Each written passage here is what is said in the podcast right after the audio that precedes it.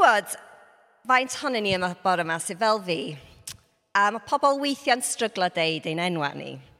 Enw fi di Mari, ond fel mae lot o'ch chi'n gwybod, ges i fy ngeni a magu yn um, Chesterfield yn Lloegarad.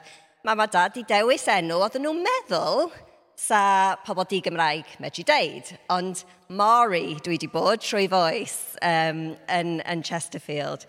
Rwy'n arall yma efo profiad o pobl deud i enw nhw'n o oh, ie, yeah, o oh, myfanwy. be, be, be mae pobl yn deud? Ie. Yeah. Ie. Yeah. Myfanwy. Rwy'n arall. Lowry. Lowry, Lowry, Lowry Amari, ie. Yeah. Ie. Yeah. Iorwen, yn lle Iorwen, ie. Yeah. A dwi'n gwybod Rodri, Rodney. Ie, dref yna. Ie. Ie. A Caleb? Caleb, ie, yeah, mae Caleb, Caleb ni'n cael Caleb. Anyway, Wel, tro nesaf ydych chi'n fatha meddwl, oh, new sons. Meddyliach am y foi yma.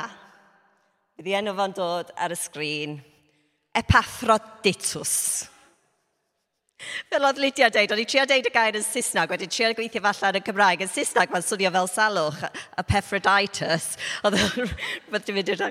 Anyway, dwi wedi bod yn ymarfer deud ydy enw'r dyn mae trwy'r wythnos, okay? so dwi am trio cael o'n iawn, a Epaphroditws. Dyna dyn enw epaphroditus da ni'n clywed am heddiw yn ein testyn, a hefyd ein ffrind o Timotheus efo seis bach yn haws i ddweud. So, da ni am troi at rai gair rwan a dallan Philippiaid 2, 19 i 13.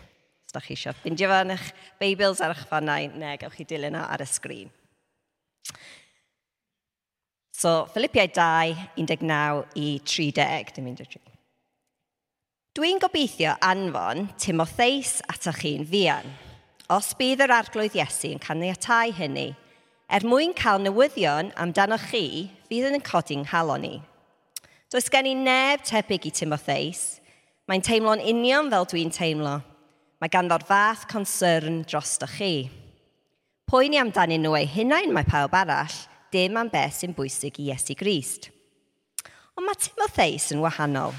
Mae wedi profi ei hun yn wahanol. Mae wedi gweithio gyda mi dros y newyddion da fel mab yn helpu ei dad – Felly, dwi'n gobeithio i anfon atoch chi cyn gyntag ac y cael wybod beth sy'n mynd i ddigwydd i mi. Ac ydw dwi'n wir hyderus y bydd yr arglwydd yn caniatau i minnau ddod i'ch gweld chi'n fuan. Ond yn y cyfamser, dwi wedi bod yn teimlo bod rhaid i mi anfon epaffroditus yn ôl atoch chi. Brawd ffyddlon arall sy'n gydweithwyr ac yn gyd, sydd yn gydweithiwr ac yn gydfilwr dros achos Iesu. Chi nath anfon e i'm helpu pan oeddwn ni angen help. Mae wedi bod yn hiraethu amdanoch chi ac yn poeni'n fawr eich bod wedi clywed ei fod on, wedi bod yn sal. Mae'n wir, roedd o'n wirioneddol sal. Bu bron iddo fo marw. Ond buodd Dyw'n garedig ato, ag ata i hefyd. Betai wedi marw, bydden ni... Betai e wedi marw, bydden ni wedi cael fy llethu gan fwy fydd o dristwch. Dyna pam dwi mor awyddus i anfon yn ôl atoch chi. Dwi'n gwybod y byddwch chi mor llawen o'i weld, a fydd dim rhaid i mi boeni cymaint. Felly rhowch groeso brwd iddo. Dylid anrhydeddu pobl debyg iddo, achos bu bron iddo fo farw wrth wasanaethu'r Mesoea. Mentrodd ei fywyd er mwyn fy helpu i, a gwneud un rhan chi, wneud ar eich rhan chi beth roeddech chi methu ei wneud eich hunain. Bendith Dyw ar ei air bore yma. Dwi'n hoffi pan da ni'n neud cyfres yn Caer Salem ar bore Sil, lle da ni'n mynd trwy llyfr, achos mae'n golygu da ni'n edrych ar bob rhan o'r llyfr. Um, a da ni'n dod ar draws adnodau, ella sa ddim yn cael ei dewis fel arall – Heddiw, da ni'n cario ymlaen yn yn cyfrus ni trwy llyfr Philippiaid. A da ni'n cyrraedd y pwynt yma, lle mae Paul yn sôn am dau o'i ffrindiau, Timotheus ac Epaphroditus. A os da chi'n cofio'r darnau cynt yn y llythyr, um, yn cychwyn penod 2, da ni'n cael y darn enwog nath Hana Brygethiar, y darn gyfoethog iawn na sy'n sôn am Iesu Oedd yn y nefoedd yn, yn dod lawr, yn rhannu'r un natur a dew, ond dewis um, rhoi ei hun yn llwyr i wasanaethu eraill, wneud ei hun y geithwas, a'r gorchymyn i ni cael yr un agwedd a fo. A wedyn, wythnos dwyth yn edrych ar y adnodau yn galw ni i, i dal ati i weithio ar ein iechyd ysbrydol fel cymuned gyda parch a difosiwn i ddew. A wedyn, da ni cyrraedd y darn yma sydd Ar y wedd cyntaf, neu just fel fatha travel itinerary, dau o ffrindiau Paul. So it's from the sort of very profound to the mundane, fel maen nhw'n deud. Ond, dwi'n meddwl bod edrych ar fel hyn yn camgymeriad. Mae yna lot yn yr adnodau yma. Mae Paul wedi bod yn sôn gynt am esiampl Iesu a deud sut da ni fod i ddilyn esiampl Iesu. A mae'n hawdd i ni clywed y geiriau mawr na, geiriau gyfoethog na, deud, rili ydy hwnna'n bosib i ni fel pobl. Ac yma mae Paul yn rhoi i ni dau enghraifft o, o dynion sydd yn wir yn dilyn Iesu, yn caru Dyw, caru pobl, hefo bopeth sydd ganddyn nhw. Mae yna lot da ni gallu dysgu So, da ni am edrych bore yma ar y dau dyn yma, gweld beth da ni'n gwybod amdanyn nhw, Mae'n diddorol, um, sbi ar ysgrythu'r fel yna, weld beth da ni'n dellu dysgu. A wedyn dwi eisiau tynnu allan rhai o'r pwyntiau. Dwi'n meddwl um, mae'r adnod yma'n dysgu ni heddiw am be mae gymdeithas yn yr eglwys i fod i edrych fel. So, da ni am cychwyn trwy edrych ar Timotheus. So mae o yn popio i fyny eitha aml yn y Testament Newydd. So da ni'n gwybod dipyn amdano fo. Da ni'n dysgu amdano fo gyntaf o llyfr yr Actau. Actau 16. Um, Mae'n deud, Aeth Paul ymlaen i Derbe ac yna i Listra, lle oedd disgybl o enw Timotheus yn byw. Oedd ei fam yn y ddewis ac yn credu ac i dad yn roigwr. Dim ond pethau da oedd gen Cresnogion, Listra ac Iconium i ddweud am Timotheus. Felly roedd Paul am iddo fynd gyda nhw ar y daith. Ac yn llyf 2 Timotheus, da ni dysgu mwy am ei deulu fod, am cemduro. So 2 Timotheus 1.5. Dwi'n cofio fel rwy ti'n ymddiried yn yr arwydd. Roedd Lois, dy nain ac Eunice dy fam yn credu go iawn. A dwi'n gwybod yn iawn dy fod ti yr un, pe, un, un fath. So dwi'n ni dysgu fam am amdano fo am ei, am ei deulu fo, da ni'n gwybod bod o'n dod o'r gogledd. Mae o'n galw i nain yn nain, a ddim mam gi. Jog, yn amlwg. Na, ond da ni'n gwybod bod o'n dod o teulu sydd yn credu. Fy nain, nain, nain, mam gi wedi credu hefyd. A'n llyfr un Corinthiaid, da ni'n cael glimps o faint oedd Timotheus yn golygu i Paul, un Corinthiaid 4, 17, mae'n dweud, dyna pam dwi'n anfon Timotheus ato chi i'r eglwys yn Corinth. Mae'n mab anwyl i mi yn yr arglwydd. Dwi'n gallu debynnu yn llwyr arno fo. So trwy Paul oedd Timotheus wedi dod yn gristion, a mae mae Paul yn disgrifio fo fel mab iddo yn yr arglwydd, oedden nhw'n agos iawn. Da ni'n gwybod fod o'n ifanc. Yn y llythyr, so un Timotheus wrth gwrs ydy llythyr mae Paul wedi sgwennu i Timotheus, Mae'n deud paid gadael i neb ddibrisio amdan dyfodi'n ifanc. Mae'n debyg bod Timotheus yn ei arddega hwyr i geiniau cynnar. Di'n ifanc. Um, a mae Paul dweud paid gadael neb i ddibrisio amdan fod di'n ifanc. So oedd Paul a Timotheus yn gweithio gyda'n gilydd. Oedd, oedd Timotheus yn teithio gyda Paul. Oedd wedi bod yn y carchar gyda Paul. Mae'n cael, mae sôn am, amdano fo yn pimp o lythyrau Paul, a wrth gwrs wedyn mae yna dau arall o lythyrau nath o gyrru i Timotheus. Oedd Timotheus wedi helpu Paul plannu'r erglwys yn Philippiaid. So, sa'r Philippiaid yn nabod o'n dda, sa fod wedi gwario amser gyda nhw yn fanna. A doedd o, da ni'n gwybod hefyd, doedd o ddim yn person super hyderus. Yn llythyr Paul i'r yr ail llythyr Paul i Timotheus, mae o'n, mae on atgoffa efo.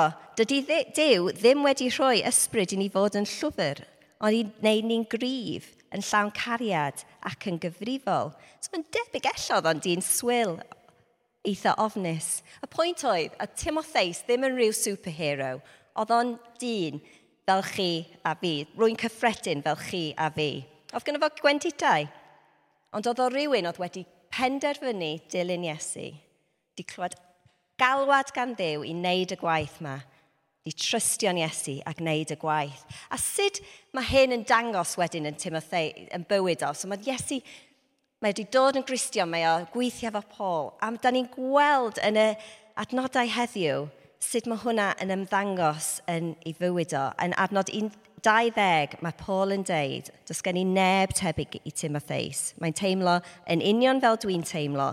A'r geiriau hyfryd yma, mae gan fy ddyfor fath gonsern dros dy chi. Oedd Timotheus hefo gymaint o gyrsyn dros i gyd Cresnogion. A mae Paul yn, caru, yn cymharu'r concern yma yn y adnod nesaf 21 gyda pobl eraill. Poeni amdanyn nhw'n hunain mae pawb arall, dim am beth sy'n bwysig i Iesu Grist. Ond mae Timotheus yn wahanol, mae wedi profi ei hun yn wahanol. So be da ni weld yn y adnodau yma, 20, swn i'n mynd i'r... Um, Ia, yeah, na, sori, y pwynt ola ar y sgrin yn fanna. Os da chi'n edrych ar nhw, mae gen Timotheus y farth gonsern dros da chi, a wedyn mae Paul yn mynd ymlaen i deud, Dyn, dyna sy'n bwysig i Iesu Grist. Cael concern dros ein gilydd sydd beth sy'n bwysig i Iesu Grist. Ac am hyn mae Paul yn cymeradwyau Timotheus i'r Philippiaid. So dyna brief intro i uh, Timotheus a wwan ein ffrind Epaphroditus Da ni'n gwybod lot llai amdano fo, achos dim ond yn darn yma o sgrythur, da ni'n clywed yr enw yma yn cael ei ddeud. Ond, mae enw fo'n awgrymu bod ei trienni fo probably wedi defotio fo fel babi i'r diwes Aphrodite, yr er diwes groegaidd Aphrodite, dyna be mae'r enw yn golygu. So cefndir groegaidd yn wahanol i Timotheus, lle oedd ei fam yn, yn ei ddewes. Oedd o'n dod o Philippi, so sa fod i dod yn Gristion pan oedd Paul a Timotheus di mynd yna a di sefydlu yr eglwys yna.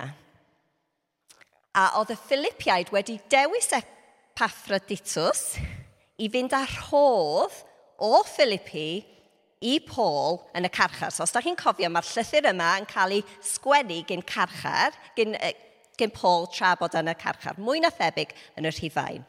Yn y dyddiau yna, oedd yr awdurdodau ddim yn rhoi bwyd i'r carcharorion, um, oedd, oedd nhw gorfod dibynnu ar teuluau ffrindiau dod a bwyd a pethau angen credio iddyn nhw.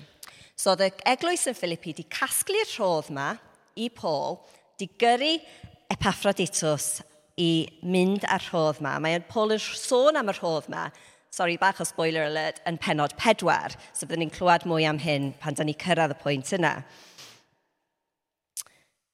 Ond doedd o ddim yn daith hawdd. A da ni'n deall o'r adnadau yma bod Epaphroditus wedi mynd yn ofnadwy o sal yn do, bron a marw mae'n sôn am. Ond yn, is, yn y sefyllfa yma, Epaphroditus ddim yn poeni amdani fo'i hun, poeni am ei ffrindiau nôl yn Philippi mae o, achos maen nhw ddim wedi clywed bod o wedi gwella, a so mae o'n poeni bod nhw yn poeni amdano fo. Dwi'n meddwl bod yn anodd i ni'n dall weithiau cyd-destun yma. Da ni yn byw yn byd WhatsApp a Zoom yn tydan. Dwi'n na, dwi ddim yma, brawd yng nghyfraith fi'n aros ar hyn, uh, um, ond dwi ddim wedi dod bore yma, anyway. Won't hold that against him. Nes i deud iddo fo bod o'n cael mensch. Um, Mae Andres yn aros hefo ni. Mae Andres yn dod o de America a mae rhai ni fo'n byw yn Ecuador. A jyst iawn, pob diwrnod mae o ar y ffôn efo nhw, WhatsApp, a mae'r plant yn siarad i, um, i rienio falle. Uh, tio, da ni, ond oedd yn wahanol iawn yno, oedd yn wahanol iawn, actually, just i gamlynodd yn ôl. Mae rhai ifanc yma, mae'n anodd i chi credu, o, mae yna dyddiau, dwi'n cofio'n iawn, heb ffonau, heb Zoom, heb WhatsApp, uh, es i Zimbabwe ar ôl graddio ac um, oedd gen i ddim ffôn, oedd gen i ddim laptop. Oedd computers yn bodoli, gai dweud. Ond uh, ond dwi'n cofio gadael mam a dad am 8 mis a gorfod dibynnu ar llythyrau i cyfathrebu gyda nhw. Oedd y llythyr, os oedden ni'n lwcus yn cymryd 3-4 wythnos i gyrraedd. A wedyn, ti'n gwybod, ti'n sgwennu newyddion, a wedyn erbyn i nhw darllen nhw, wedi hen mynd. Ond anyway, yn y dyddiau yma, oedd na ddim hyd yn oed posman. So, oedd yr unig ffordd oedd newyddion yn mynd rhwng un lle a'r llall, oedd os oedd rwy'n corfforol yn mynd yna i ddeud. Nawr, rhywsut, mae'r ma Philippiaid yn gwybod bod o'n sal, So, sut hynny sgwn i? Wel, mae yna gwahanol um, theories, ella bod yna criw bach ohonyn nhw wedi cario'r rhodd yna, mae lot o bres mwy na thebyg, so bod criw bach di mynd a bod un o'n nhw pan oedd Epaphroditus di mynd yn sal, un di mynd nôl i deud i'r Philippians. Dyna dwi'n meddwl di'r peth mwy o likely i digwydd, sydd wedi digwydd. Ond tybwaith, mae'r Philippiaid ddim yn gwybod, maen nhw'n gwybod bod wedi mynd yn eithriadol o sal, ond dyn nhw ddim yn gwybod bod wedi gwella. Ac uh, dyna mae o'n poeni am, mae o eisiau nhw gwybod bod o'n well. A so mae Paul eto yn rili really cymeradwyo fo i'r Philippiaid. Mae'n deud, achos bron iddo fo'n farw drwy, wai, drwy wasanaethu'r Mesoea. Mae'n galw fo yn adnod 25, brawd ffyddlon arall sy'n gydweithwyr, gydweithiwr ac yn gydfilwr dros achos Iesu. Mae heina geiriau dofyn, geiriau doeth ydy'n brawd, cydweithiwr, cydfilwr. A'r dyn yma sydd yn so, gofalu am, isio gofalu am ei ffrindiau fo, ddim isio nhw poeni. Dau dyn, Timotheus, Epaphroditus, o cefndir wahanol, dwi eisiau deud hwnna bore yma, cefndir wahanol, diolch lle da chi'n dod o, diolch os, you know, os o rhieni chi yn credu neu beidio, mae yna lle i bawb yn deulu Dyw, a mae Dyw isio, ni def, uh, isio defnyddio ni gyd yn ei deyrnas o. Oh. A mae Timotheus a Epaphroditus wedi cyfarfod Iesu. Mae bywyd nhw wedi cael ei draws newid oherwydd Iesu. A maen nhw rhoi i bywydau nhw i garu Dyw, i garu bobl eraill. A maen nhw'n enghraifft pwerus i ni. So wedi sbi ar y dau dyn a beth da ni'n gwybod amdanyn nhw, dwi eisiau tynnu allan, be dwi'n meddwl, pimp marc o gyfeillgarwch rhwng Cresnogion da ni'n gallu tynnu allan o'r adnodau yma. Yn yr adnodau yma, mae Paul yn adeiladu ar um, y sylfaen bod Dyw wedi creu pobl i fod mewn perthynas gyda'i gilydd. Mae nath Dyw creu y byd, nath o creu pobl i fod mewn perthynas gyda fo, gyda'n gilydd, gyda'n hunan a gyda'r ddeiar. A wrth gwrs yn y, yn y cwib nath y perthnasau yna cael i dorri, ond trwy groes mae Iesu Grist yn adfer nhw. Ac yn fama mae Paul yn canolbwyntio ar y perthynas yna rhwng pobl, rhwng yn gilydd, um, a dangos be mae perthynasau wedi adfer gan y groes yn edrych fel. A mae hyn yn canolig i bywyd yr eglwys. So'r cyntaf ydy dangos cariad a concern i'n gilydd. Mae Paul yn dweud am Timotheus, mae ganddo fo fath concern dros da chi. A eto Epaphroditos, concern dros y Philippiaid oedd yn oedd pam oedd o eisiau mynd nôl at nhw. A mae Paul yn sôn am hwn yn lot o lefydd eraill hefyd. Dwi'n caru Rufeiniaid 12, 10, byddwch o ddifri yn eich gofal am eich gilydd. A mae hwn yn rhywbeth mae rhaid i fi dweud sydd wir yn fyw yn Caer Salem. Dwi'n gwybod, dwi, da ni wedi bod trwy adeg anodd. Tio, blwyddyn yn ôl, oedd teulu fi mewn amser anodd iawn a mam pan oedd, oedd dad yn sal yn yr ysbyty a misoedd. Oedd o'n amser anodd iawn. Ond o'n i'n cyrraedd bora syl a oedd rwy'n jyst yn rhoi hug i fi. Oedd dim rhaid ei geiriau, just hug o'n i'n teimlo'r cariad a concern na. Pobl yn gyrru adnod neu can. Pobl hyd yn oed yn troi fyny gyda pryd o fwyd pan o'n i ar fy luniau. Methu wneud, cos bywyd yn cario ymlaen, gwaith yn cario ymlaen. Ti'n gwybod, cariad a concern, dwi gwybod bod hwnna'n fyw yn yr eglwys yna, a mae'n rhywbeth i dathlu. A dyna pam, ti'n gwybod, da ni angen really bod yn ymwybodol beth sy'n mynd ymlaen yn bywyd dan gilydd. So, da ni'n gallu dangos y cariad a'r y concern na i'n gilydd. Sy'n mynd â fi ymlaen i'r pwynt nesaf. Peth nesaf i tynnu allan o hyn ydy, da ni yn brodydd a chwiorydd yn Cris. Mae Paul yn galw Epaphroditos yn frawd, a mae'n galw Timotheus yn frawd mewn llefydd eraill hefyd. Mae yna agosiatrwydd arbennig rhwng Cresnogion oherwydd mae'n ffocws ni ar Iesu Grist a'i deyrnas. A mae'r Beibl efo gair arbennig i hyn, fellowship. A nes i checio hefo arweld, mae gennau hawl deud hyn, bod does na ddim cweit gair yn y Cymraeg sy'n cweit yn sort of dal y Saesneg no o fellowship. Mae cymdeithas ddim cweit yn dal os. Da chi'n meddwl bod na gair gewch chi dod i deud i fi wedyn. Ond dwi am defnyddio fellowship yma am, am hynny. A mae o'n, mae on rhywbeth dyfnach oherwydd ein cyd ffocws ar Iesu. A dyna pam, ffrindiau, mae amser ar ôl y gwasanaeth, y panad a sgwrs da ni cael efo'n gilydd, jyst mor bwysig a be dwi'n neud fama. Mae o'n rhan bwysig o bywyd yr eglwys. Dyna pam da ni'n rhoi gymaint o phwyslais yn, yn Caersalem am grwpiau cymuned. Achos mae o'n lle da ni'n gallu dyfnhau yn, yn yn fellowship efo'n gilydd. Mae Cari Caer Salem eto'n fforwm lle mae mor gwerthfawr jyst gallu dod i nabod yn gilydd yn well. Y trydydd peth, cydweithwyr. Mae Paul yn deud am Timotheus, mae wedi gweithio gyda mi dros y newyddion da fel mab yn helpu ei dad. A mae o'n disgrifio Epaphroditus fel cydweithwyr. Cydweithiwr. Ac yn y testament newydd, da ni'n gweld bod fellowship a cenhadaeth yn mynd llaw mewn llaw gyda'i gilydd. Da ni dim jyst yn ffrindiau bod yn tod, cael amser neis fel ffrindiau efo'n gilydd, er bod hwnna'n lyflu a bwysig. Ond da ni cydweithio gyda'n gilydd dros y newyddion da. Eto i, i defnyddio enghraifft o, o fy mywyd i, pan nathyn ni, Martin fi a Lydian Hocan Bach symud o Lundan i fama. Un o'r peth oedd Dyw wedi rhoi ar calon fi cyn gadael Llundan oedd i cychwyn um, grŵp babis, plant bach um, a'i gofalwyr canol wythnos. A nath ni cyrraedd Cynarfon, a na sal rheswm pam oedd ni methu, o'n i methu wneud hwnna'n yn, yn syth.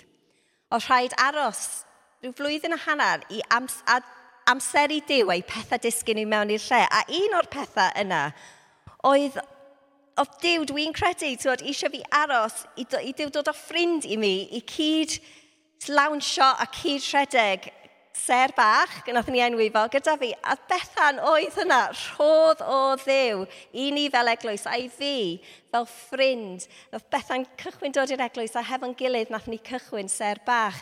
A cydweithio'n gyda'n gilydd yn y, gwas, yn y gweinidogaeth yna, nath um, cyfeillgarwch ni um, tyfu a dyfynhau. A dwi'n siŵr da chi gyd, mae yna timoedd y cawl a chwmni a, a lot o pethau gwahanol yn digwydd yn yr eglwys, lle da chi'n gwasanaethu fel timau, fel cydweithwyr, a mae hwnna mor, mor um, da a gyfoethog a helpu ni dyfynhau y, y fellowship yma.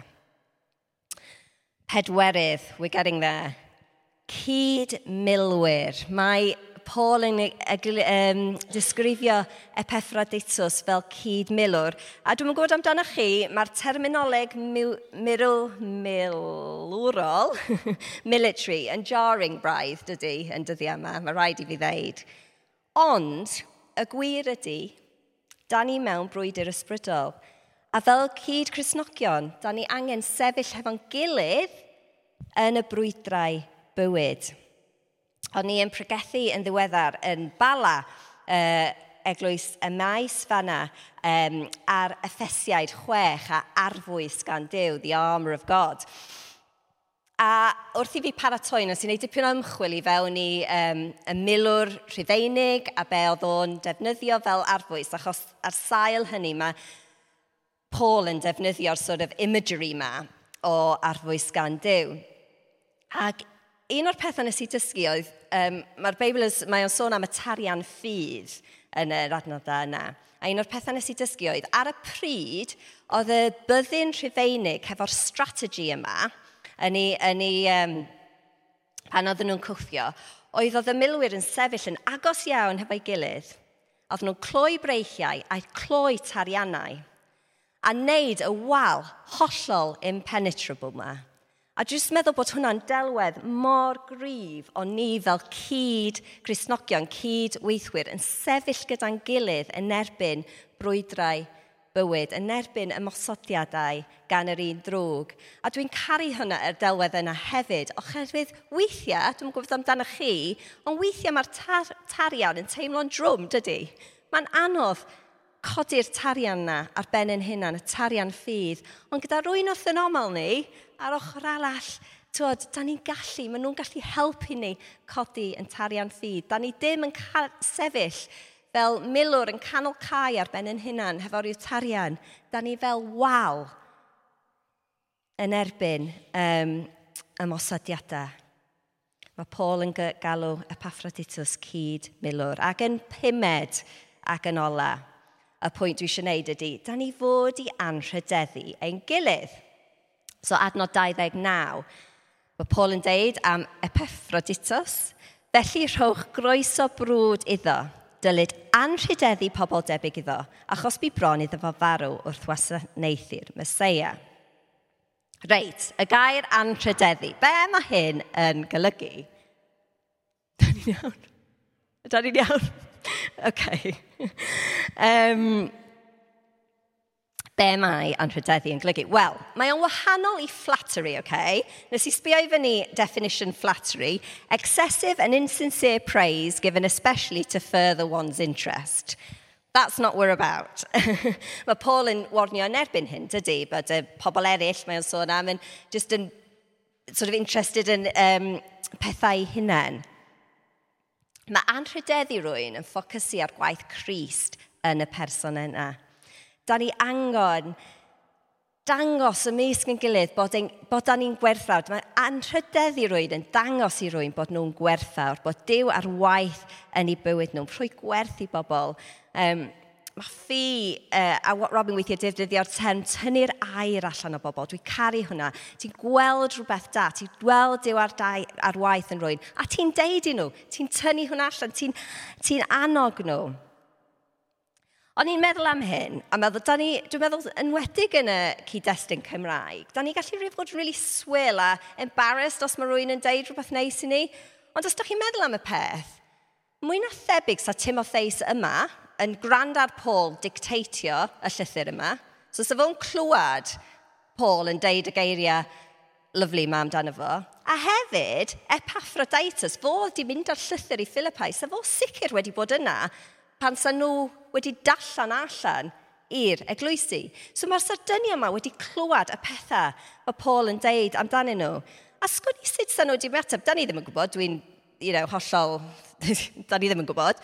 Ond dwi actually ddim yn meddwl sa nhw, paid, paid deud ffasio beth.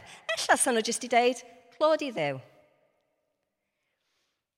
Y pwynt ydy, mae'n iawn i ni'n annog, in fact, mae mwy na iawn, mae'n bwysig i ni annog yn gilydd, affirmio'n gilydd, tynnu'r gau air allan o'n gilydd. Gad i ni fod yn eglwys sy'n wneud hynny. So dyna ni, dod i'r diwedd. Mae yna her i ni fel eglwys. Gai jyst deud, mae'r pethau dwi wedi sôn am fama yn gyd yn fyw yn Caer Salem. Y Pimp pwynt, da ni'n gweld diw ar waith yn hynny. Na i dwi'n gallu cofio nhw, cariad a concern, um, y fellowship, y cydweithio, y cyd-milwyr yn helpu'n gilydd sefyll yn gryf ac yr anrhydedd. Mae hynny ar, mae diw ar waith yn mynd plith ni. Ond ydyn ni'n gallu gwneud o hyd yn oed mwy? Be am i ni drio dros y dyddiau wythnos nesaf, wythnos nesaf? Meddwl sut ydyn ni yn gallu tyfu yn y pump maes yna? Sut ydyn ni gallu dangos mwy o cariad a concern dros ei gilydd? Sut ydyn ni'n gallu dyfynhau fellowship? Cydweithio. Reit. Exciting. Da ni fel tîm arwain yn dechrau rhoi at ei gilydd, wel arwel sydd yn arwain o, um, tîmau. Nawr mae lot o tîmau mae'n bodoli, ond da ni'n creu rhai tîmau timau arall, um, fyddwch chi'n clywed lot mwy am hyn dros y wythnosau misoedd nesaf. Watch this space. Ond y pwynt ydy, a fydd na tîm technegol, by the way, y pwynt ydy, mae yna lot o cyfleoedd i ni cydweithio gyda'n gilydd a fydd yna mwy yn dod am hynny. Gad i ni'n sefyll gyda'n gilydd. Pan, ma, pan da ni'n mynd, a mi fyddwn ni'n mynd, yn anffodus, it will happen, pan da ni yn mynd trwy amseroedd anodd, sut da ni'n gallu sefyll efo'n gilydd um, fel milwyr, a sut ydyn ni'n gallu anrhydeddu ein gilydd hyd yn oed mwy. Amen. Iawn. Diolch arwel. Os o arwel ar band, dod i fyny a na i jyst gweddio cyn i ni canu ein can ola. So chi licio sefyll gyda fi?